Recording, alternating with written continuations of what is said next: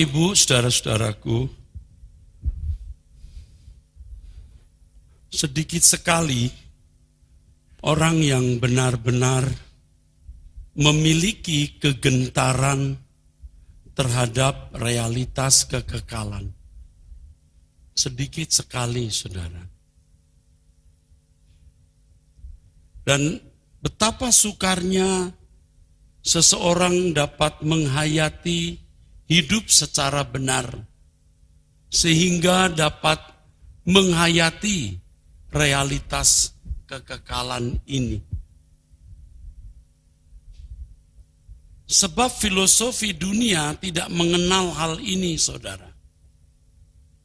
Dan kita dibesarkan dalam lingkungan orang-orang yang tidak memikirkan realitas hidup yang benar, yaitu kekekalan. Dari kecil kita sudah terpapar dengan filosofi hidup yang dibahasakan oleh Paulus. Marilah kita makan dan minum, sebab besok kita mati.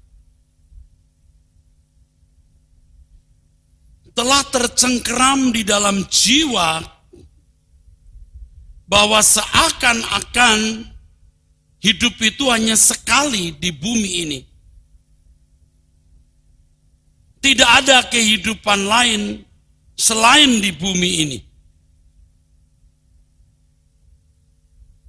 Jadi bagaimana mengusahakan hidup yang seindah-indahnya sekarang meraih sebanyak-banyaknya yang bisa diraih, menikmati kebahagiaan, kepuasan puncak yang bisa dinikmati. Sebab setelah ini tidak ada kehidupan lagi. Filosofi hidup seperti ini, Bapak Ibu, saudaraku, prinsip hidup seperti ini, Bapak Ibu, saudara, sudah mencengkeram mengakar di dalam diri kita.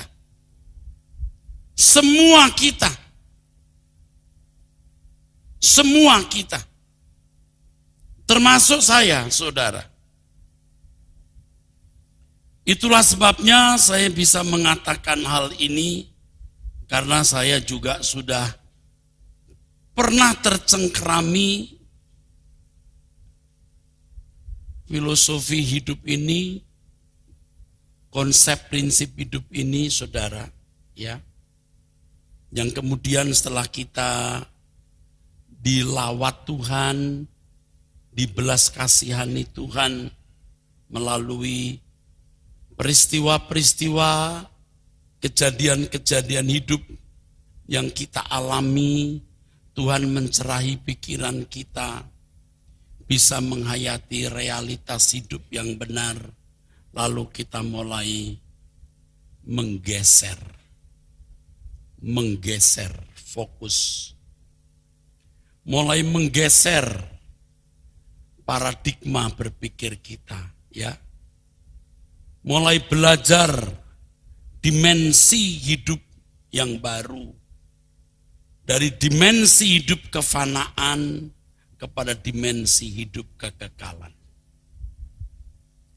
Saudara, saudara kalau seseorang terlambat menggeser, seseorang terlambat mengubah paradigma atau cara berpikir, dimensi hidup saudara tidak akan pernah berubah.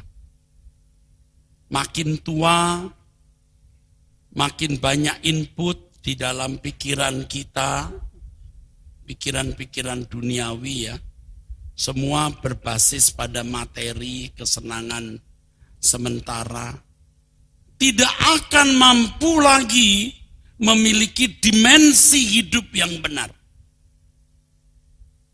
Inilah lebih dari sekedar pengetahuan ya. Pengetahuan yang kita tangkap lewat penjelasan, kita ngerti atau tidak ngerti. Ini lebih dari itu, karena ini menyangkut peristiwa hidup yang terjadi dan peristiwa-peristiwa hidup itu sangat dominan, sangat signifikan merubah merubah cara berpikir. Orang dididik hanya dengan mendengar, belum tentu paradigmanya berubah, belum tentu dia bisa mendapatkan dimensi hidup yang baru. Tapi pengalaman hidup. Jadi bersyukur kalau saudara itu melewati keadaan-keadaan sulit seperti melemparkan saudara ke dunia yang asing. Mengapa harus mengalami begini? Mengapa harus mengalami itu? Tapi ternyata lewat peristiwa tersebut, dimensi hidup kita diubah, saudaraku.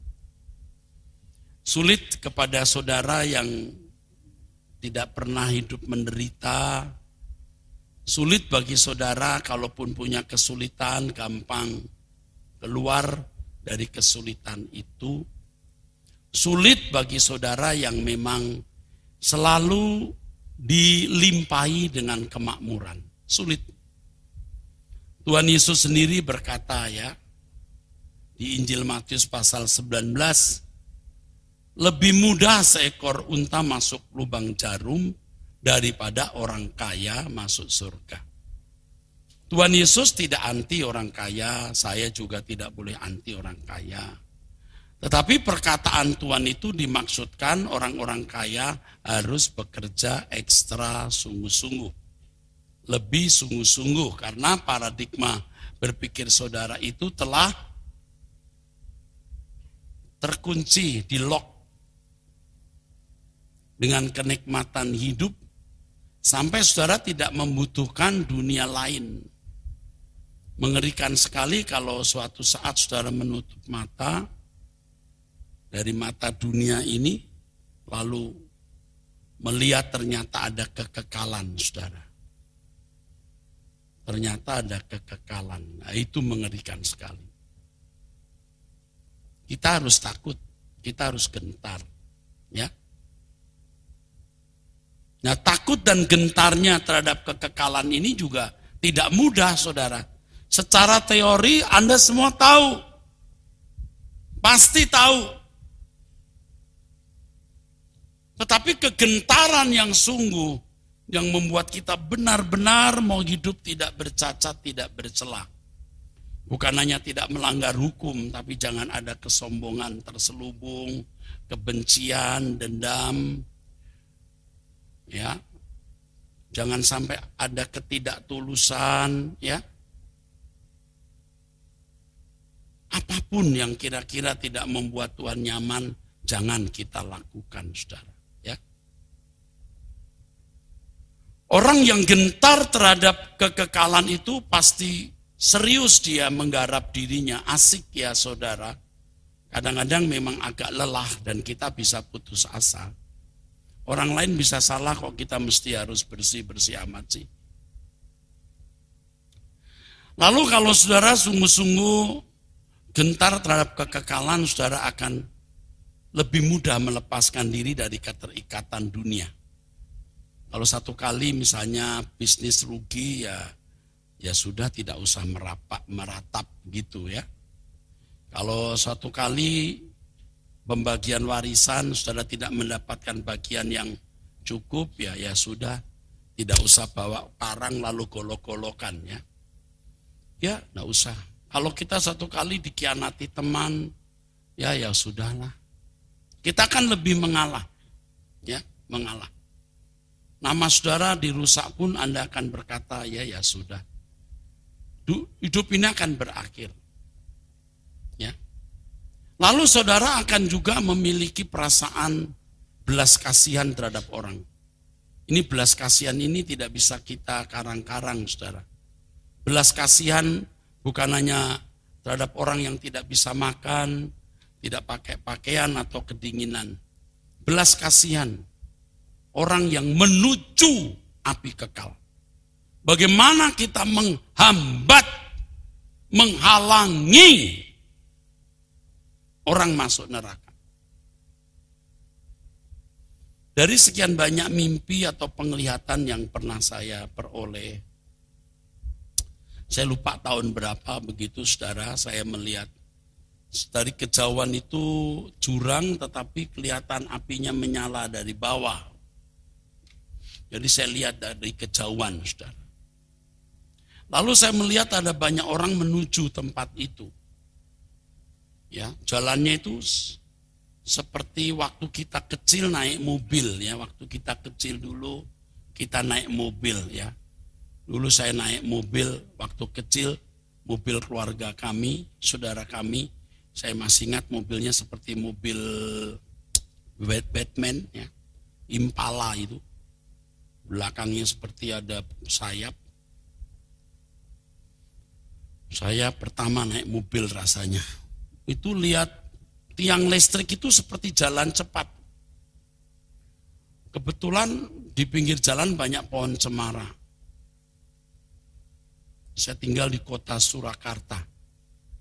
Tapi sejak remaja pindah ke Jakarta. Saya lihat itu hmm, tiang listrik begini. Jadi menarik itu. Lihat pohon bisa lari cepat gitu. Nah saya melihat orang-orang yang menuju ke api itu seperti itu. Hus. Hus gitu. Lalu saya mencegah ya, saya mencegah lalu saya seperti I beg, ya, aku mengemis, jangan ke sana, jangan ke sana. Dari orang-orang itu saya mengenal dua orang yang sampai hari ini saya ingat. Yang pertama itu majelis sebuah gereja di Jawa Barat. Dia majelis terkemuka. Rasanya dia yang menguasai pendeta ya. Saya kenal bapak itu, saya mencoba untuk mencegah. Lalu yang kedua, saya bertemu dengan seorang pendeta. Kalau saya sebut nama kotanya nanti khotbah ini didengar, lalu pendeta-pendeta kota itu tanya, saya nggak Pak Eras. Jadi saya tidak usah sebut, tapi kota di Sumatera. Saya ingat sekali karena saya kenal pendeta itu. Oh, dia di sini. Itu mimpi seperti biasa, tapi saya gemetar. Saya gemetar. Setelah mimpi itu saya gemetar. Saya mencoba untuk menahan. Saudara kalau punya paradigma berpikir berubah, menghayati kekekalan, saudara akan sangat mengingini tidak ada seorang pun masuk neraka. Jadi pelayanan ini bukan sekedar kita menyelenggarakan sebuah kegiatan liturgi, tetapi kita harus memiliki destinasi yang jelas, output yang jelas agar setiap saudara jangan masuk api kekal. Hari ini kalau kita meninggal dunia ini, saya kira sebagian saudara ada yang tidak masuk surga.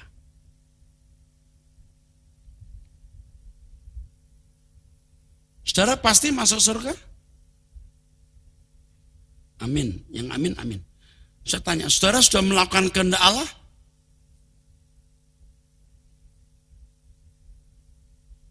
Nah, di sini kan butuh keseriusan, saudara. Enggak, enggak, saya tidak ada maksud melukai saudara. Saya bicara apa yang saya merasa saya harus bicara karena saya sudah hmm, karena saya sudah berdoa untuk khotbah hari ini, saudara. Saya berdoa agar khotbah saya sebersih-bersihnya. Artinya jangan sampai perasaan saya ikut mengalir ya. Nanti rusak. Ada tanya dalam gelisah di hati untuk apa aku ada di bumi ini? Bahwa sekejap bunga rumput pagi yang akan layu di sore hari. Malam kelam, padang gersang dan tandusnya. Cerita tragis kehidupan manusia. Dan satu persatu mereka yang dicinta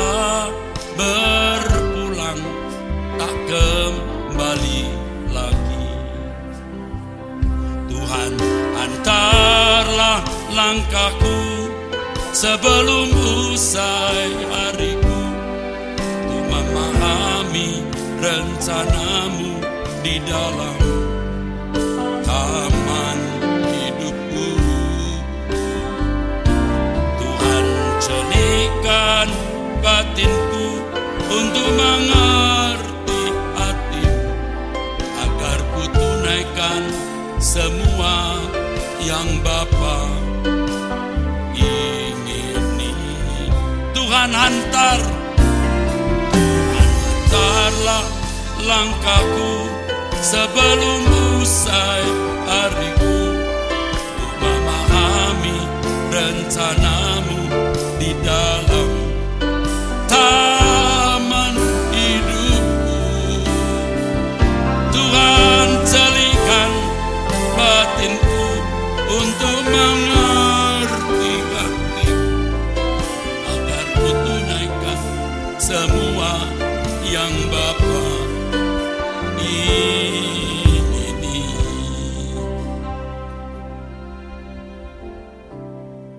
Saudara, ini milik Tuhan ya, bukan milik kami ya.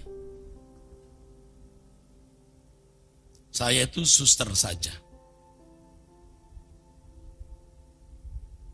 Sementara saya juga harus membenahi diri agar saya bisa layak masuk menjadi anggota keluarga kerajaan Allah. Saudara jangan main-main untuk perkara ini. Ya, jangan main-main. Orang lain tidak peduli. Hampir semua orang tidak peduli. Dan itu membawa pengaruh dalam hidup saudara. Karena atmosfer dunia sekitar kita itu fasik begitu saudara. Tapi saudara jangan ikut-ikutan. Saudara sudah mendengar kebenaran ini, saudara mulai melakukan satu hal yang saya beri judul geser. Geser. Geser hatimu. Geser.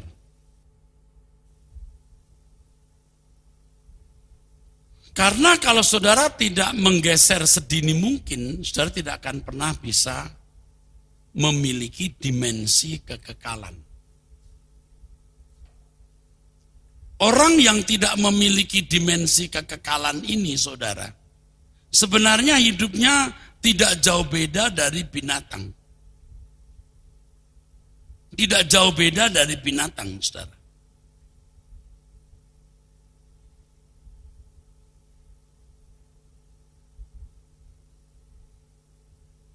Kalau hanya untuk pemenuhan kebutuhan jasmani, ya tentu plus dengan pakaian, tas, arloji, perhiasan yang binatang itu tidak memilikinya, ya saudara. Tetapi semua itu hanya fana, saudara. Fana. Fana, saudara. Tapi di dunia sana kan ini wow banget gitu, wow banget gitu. Iya. Ini yang memberi nilai.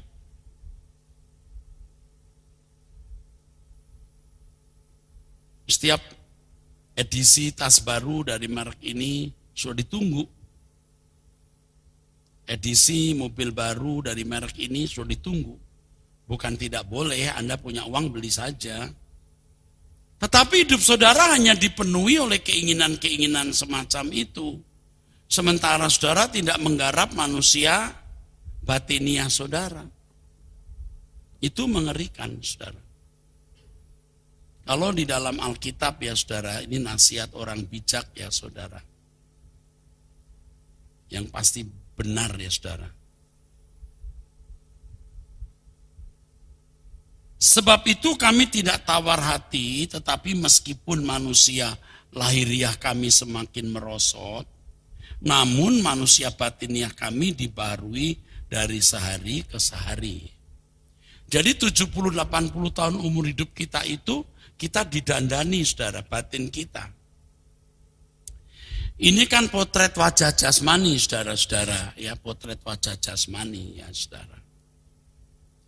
Tapi potret wajah batiniah kita ini kan lebih penting mestinya, yang itu kekal, saudara, kekal. Saudara bisa berkata, Tuhan aku tidak, aku bukan orang kaya, penampilanku juga tidak baik, tidak ganteng, tidak cantik, performanku juga tidak menarik sebenarnya dilihat dari ukuran umum.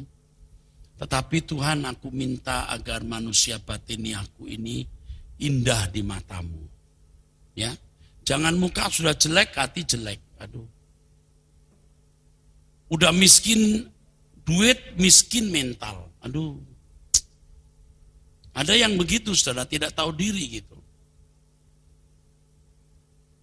Tapi juga jangan sombong, Anda penampilan bagus secara uh, performance lahiriah, materi banyak, tapi batinmu tuh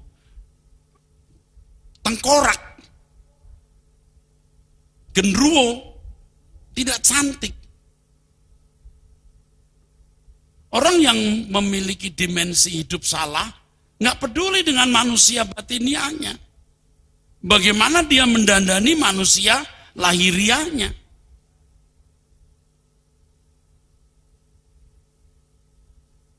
Iya saudara. Saya tidak sedang mengkritik saudara yang melakukannya. Itu belum tentu salah ya. Tetapi saya hanya memberitahu manusia batiniahmu harus lebih kau percantik. Tidak salah kerik apa namanya nih? Alis dikerik, gonta ganti ya tadinya begini jadi begitu. Lama-lama kayak kupu-kupu. Ya enggak apa-apa kalau mau lebih cantik ya. Bibirnya dibelah dulu di jadi sini. Iya baru kemarin saya di luar negeri ketemu orang bibirnya kok begitu ya? Cantik-cantik tapi bibirnya tuh jadi bengkak dua-duanya. Mungkin salah operasi gini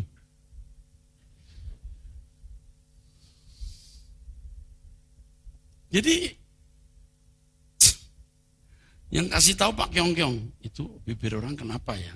Apa sih? Itu bibirnya tuh. Aduh, Pak Kyong, Pak Kyong. Masih aja urus bibir orang. Kita punya bibir sendiri juga belum beres. Masih sariawan atau apa. Nah, coba lihat, lihat. Ya saya jadi lihat dong itu bibirnya bengkak dua-duanya ke atas ke bawah. Ya.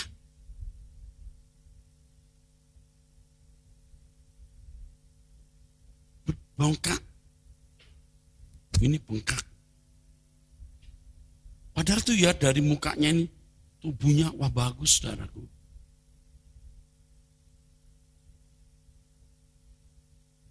Seperti apa itu yang buat sayur sayur asam, sayur asin dulu yang lupa ya. Yang merah-merah itu loh. Jadi begitu.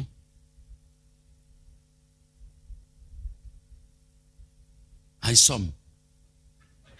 Jadi kayak Haisom. Sente. Haisom tahu ya? Jadi kayak Haisom. Betul ya? Betul ya kayak Haisom tuh. Aduh nih kalau ada tukang haisom dipikir haisom kali ya.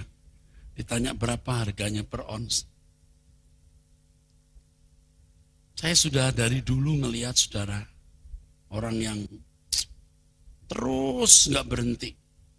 Jadi kalau sudah sekali operasi, empat tahun operasi lagi, nanti operasi lagi. Nanti temannya dari Korea datang, eh sekarang teknologi baru loh yang terus. Ini muka saudaraku Persis zaman kita masih sekolah di laboratorium dulu ya. Itu kodok yang kita belah-belah itu. Kenapa sih Ya sekali-kali karena ininya luka dibetulin ya namanya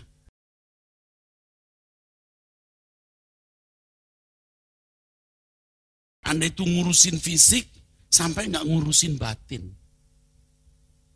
Ibu-ibu tuh ya kalau dandan ya, saya boleh turun ya.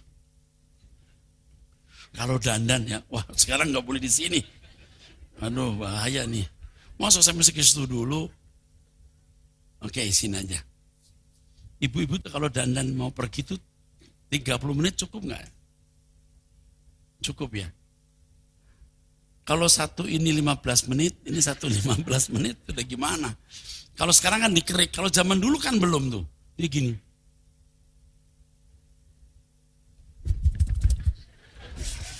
Cuci muka lagi.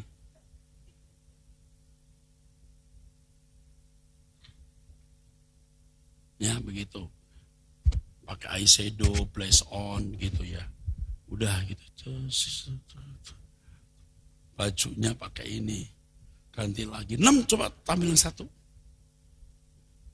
Enam yang satu itu. Jadi di rumah seperti mangga dua. Mau tampil cantik. Jadi 45 menit. Ya. Suami yang sabar karena dia sudah ke gereja. Dia duduk nungguin. Untung dia sudah ke gereja. Kalau tidak dia bilang, Mam lu jalan sendiri ya tapi dia tungguin gitu. Anda dandan sekali dandan 30-45 menit. Untuk sebuah, untuk sebuah pertemuan dua jam, satu jam, ketemu pejabat 15 menit. Nunggu Bapak Gubernur begitu lewat, Wah, apa kabar? 15 menit pulang. Ininya 45 menit, rugi 30 menit.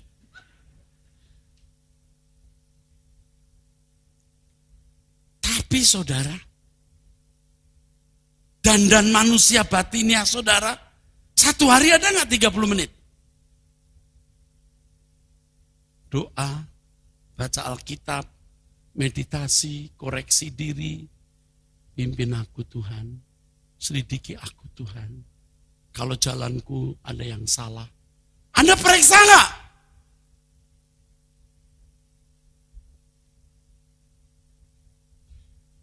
Saudara periksa nggak? Saudara periksa nggak? Karena nggak ada yang jawab sana, saya tanya di sini.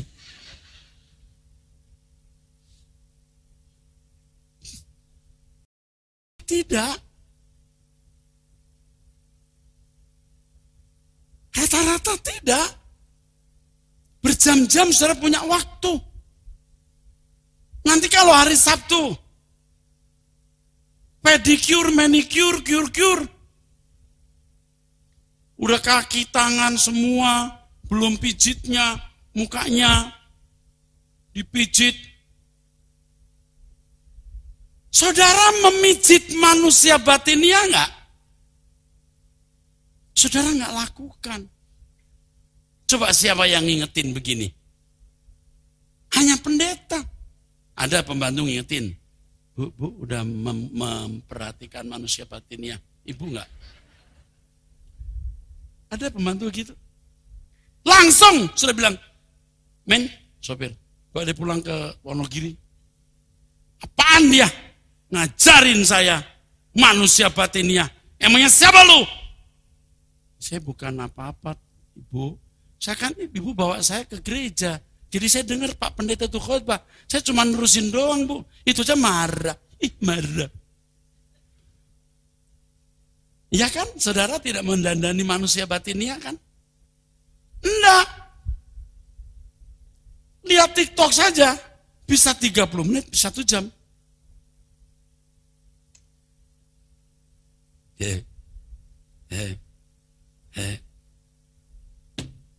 Banyak distraksinya di pikiran. Kenapa nggak mendengarkan khotbah? Atau nyanyi? Ya nggak keras-keras. Kalau saudara misalnya lagi diam gitu, pikirin Tuhan. Nggak ada kok yang larang. Tidak ada yang bisa menghalangi. Tuhan antarlah langkah sebelum usai Ku memahami rencanamu di dalam taman hidupku. Tuhan celikan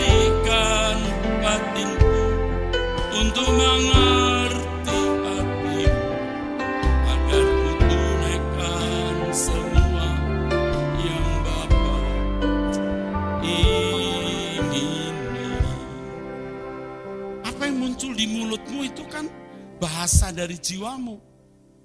Bukan lagu-lagu dunia yang saudara munculkan.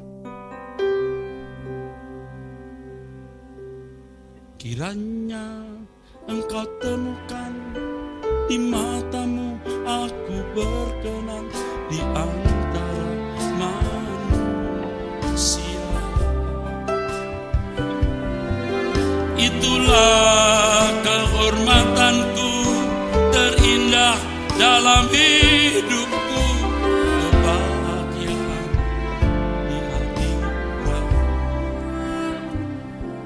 Kenapa kita tidak membiasakan diri begitu? Tiap hari kita ada waktu meditasi, berdoa, tutup pintu, kunci, handphone di off. Kenapa? Apakah itu tidak ada nilainya? Justru mesti inilah yang saudara lakukan. Percantik diri. Kalau bapak-bapak tidak begitu, nanti pikiranmu kotor. Pasti jadi jorok pikiran saudara. Pasti memikirkan hal yang sia-sia. Pasti jadi kotor, saudara.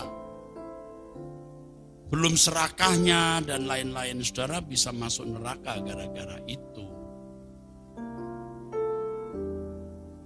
Sebenarnya banyak manusia yang belum siap jadi manusia, Pak.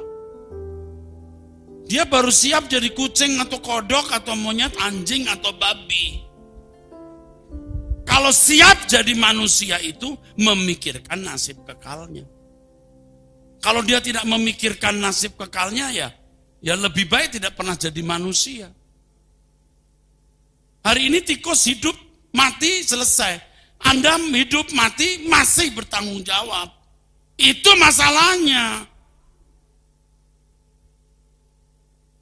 Ayolah, saudara harus sediakan waktulah. Saya kalau tidak keluar negeri atau sedang, tidak sedang terbang, pasti saya doa pagi jam 5. Pasti. Dan saya sudah sudah berikrar, ini tidak akan pernah absen atau libur. Ini kita lakukan terus sampai kiamat. Ini mau nyari apa hidup ini? Jadi Bapak Ibu jangan mendengar khotbah ini, sadar sebentar, lalu saudara tidak berubah. Namanya kapok lombok. Makan pedes,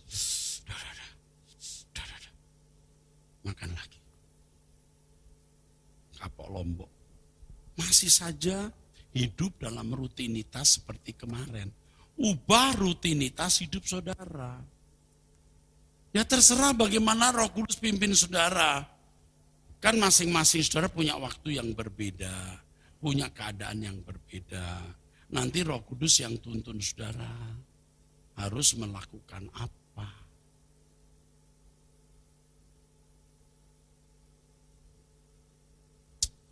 Saudara kalau lihat orang menikah ya, perkawinan tuh ya. Dulu ada jemaat cerita kepada saya begini, Pak, backdraft ini 10 miliar, saya tawar 8, wah dikasih, wah bagus. Jadi dari 10 M ditawar 8 M dikasih itu dia bersyukur gitu. Tapi dalam hati saya 8 M hanya untuk 2 jam. Wah itu bunga semua itu, bunga-bunga. Bukan yang kemarin ya, ini yang ini sudah 2, 3, 4, 5 tahun yang lalu, lama ini sudah lama. Wah bunga semua ya. Kemarin juga kita ke perkawinan putranya Pak Chandra ya. Ya bukan bukan ini, ini yang sebelum lama. 8M itunya, backdraftnya. Apakah termasuk yang di bawah saya tidak tahu. Bunga hidup semua. Itu ibu gatal tangannya, pulang bawain bunga orang. Pasti nggak nggak minta izin tuh. Comotin, dibawa. Wah bunganya bagus-bagus, saudara. Saya khawatir itu bunga-bunga impor. Waduh, kan biasa kan orang mau tampil beda ya. Perkawinan itu ya, pesta perkawinan itu persiapannya bisa setahun. Rapat lagi dengan WO-nya ya, IO-nya, WO-nya, wah rapat terus tes apa? Tes makanan itu, tes food. Wah, tes food. Kalau tes food banyak orang ikut ya. Tes food. Persiapan satu tahun untuk dua jam, dua jam setengah. Nggak worth it kadang-kadang. Nggak worth it. Ini kebalikan dari 70-80 tahun untuk kekekalan. Kebalikan. 360 hari persiapan perkawinan 2 jam. Nggak worth it ya. Tetapi hidup kekal kita itu persiapannya 70-80 tahun untuk unlimited. Jadi betapa berharganya 70 80 tahun ini.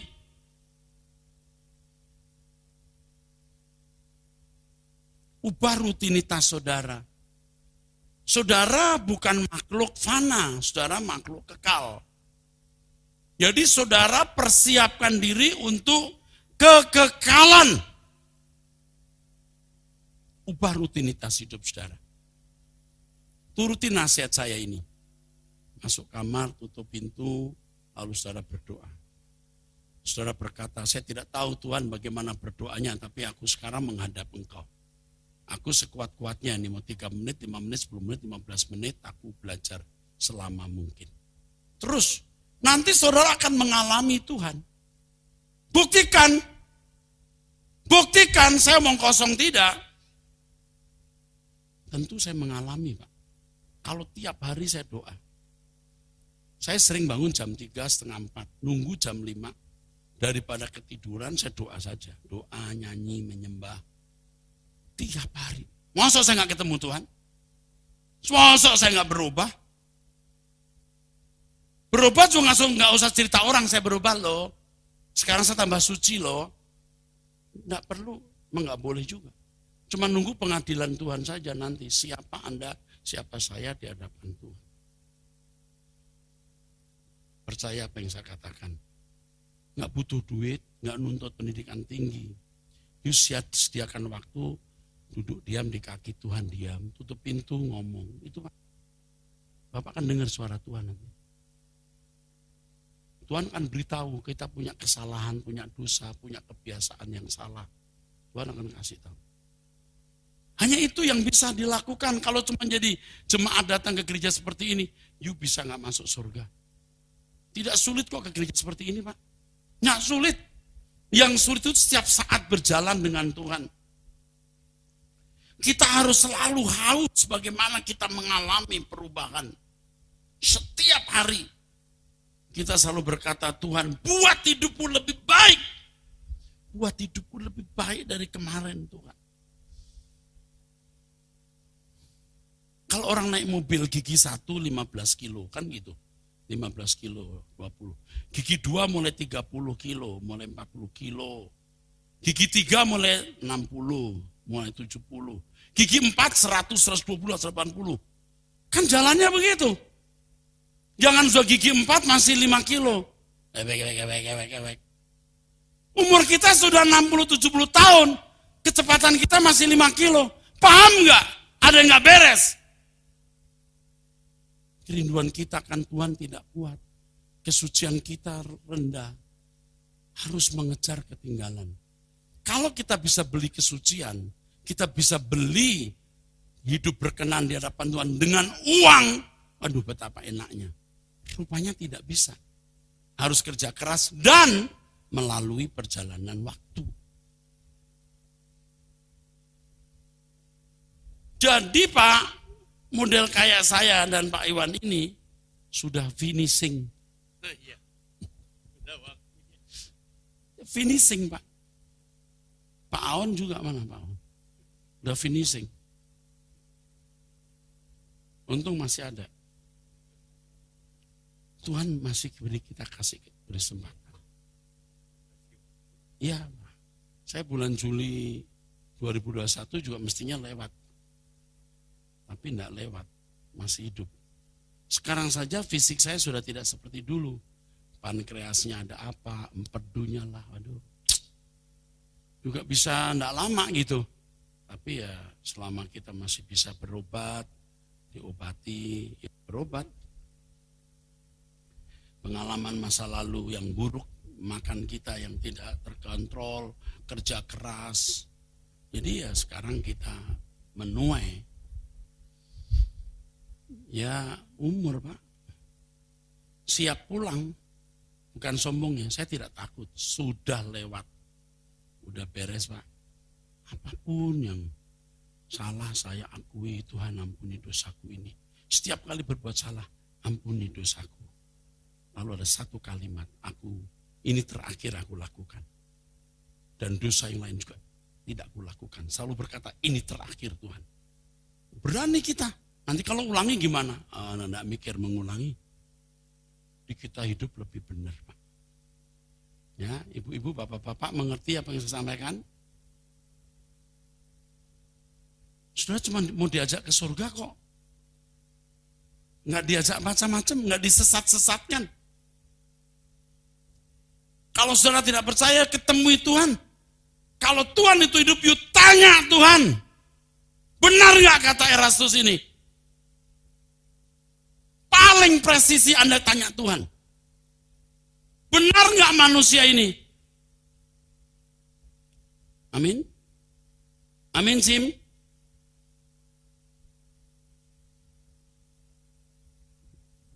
Sim tahu nggak sih saya ngomong apa? Tahu ya mama ya? Mama, mama. Mama suka berdoa. Oh, usia berapa? Dari dulu udah ke gereja gereja karis Pentakosta. Pentakosta ya. Pasti ada bau bau Pentakosta.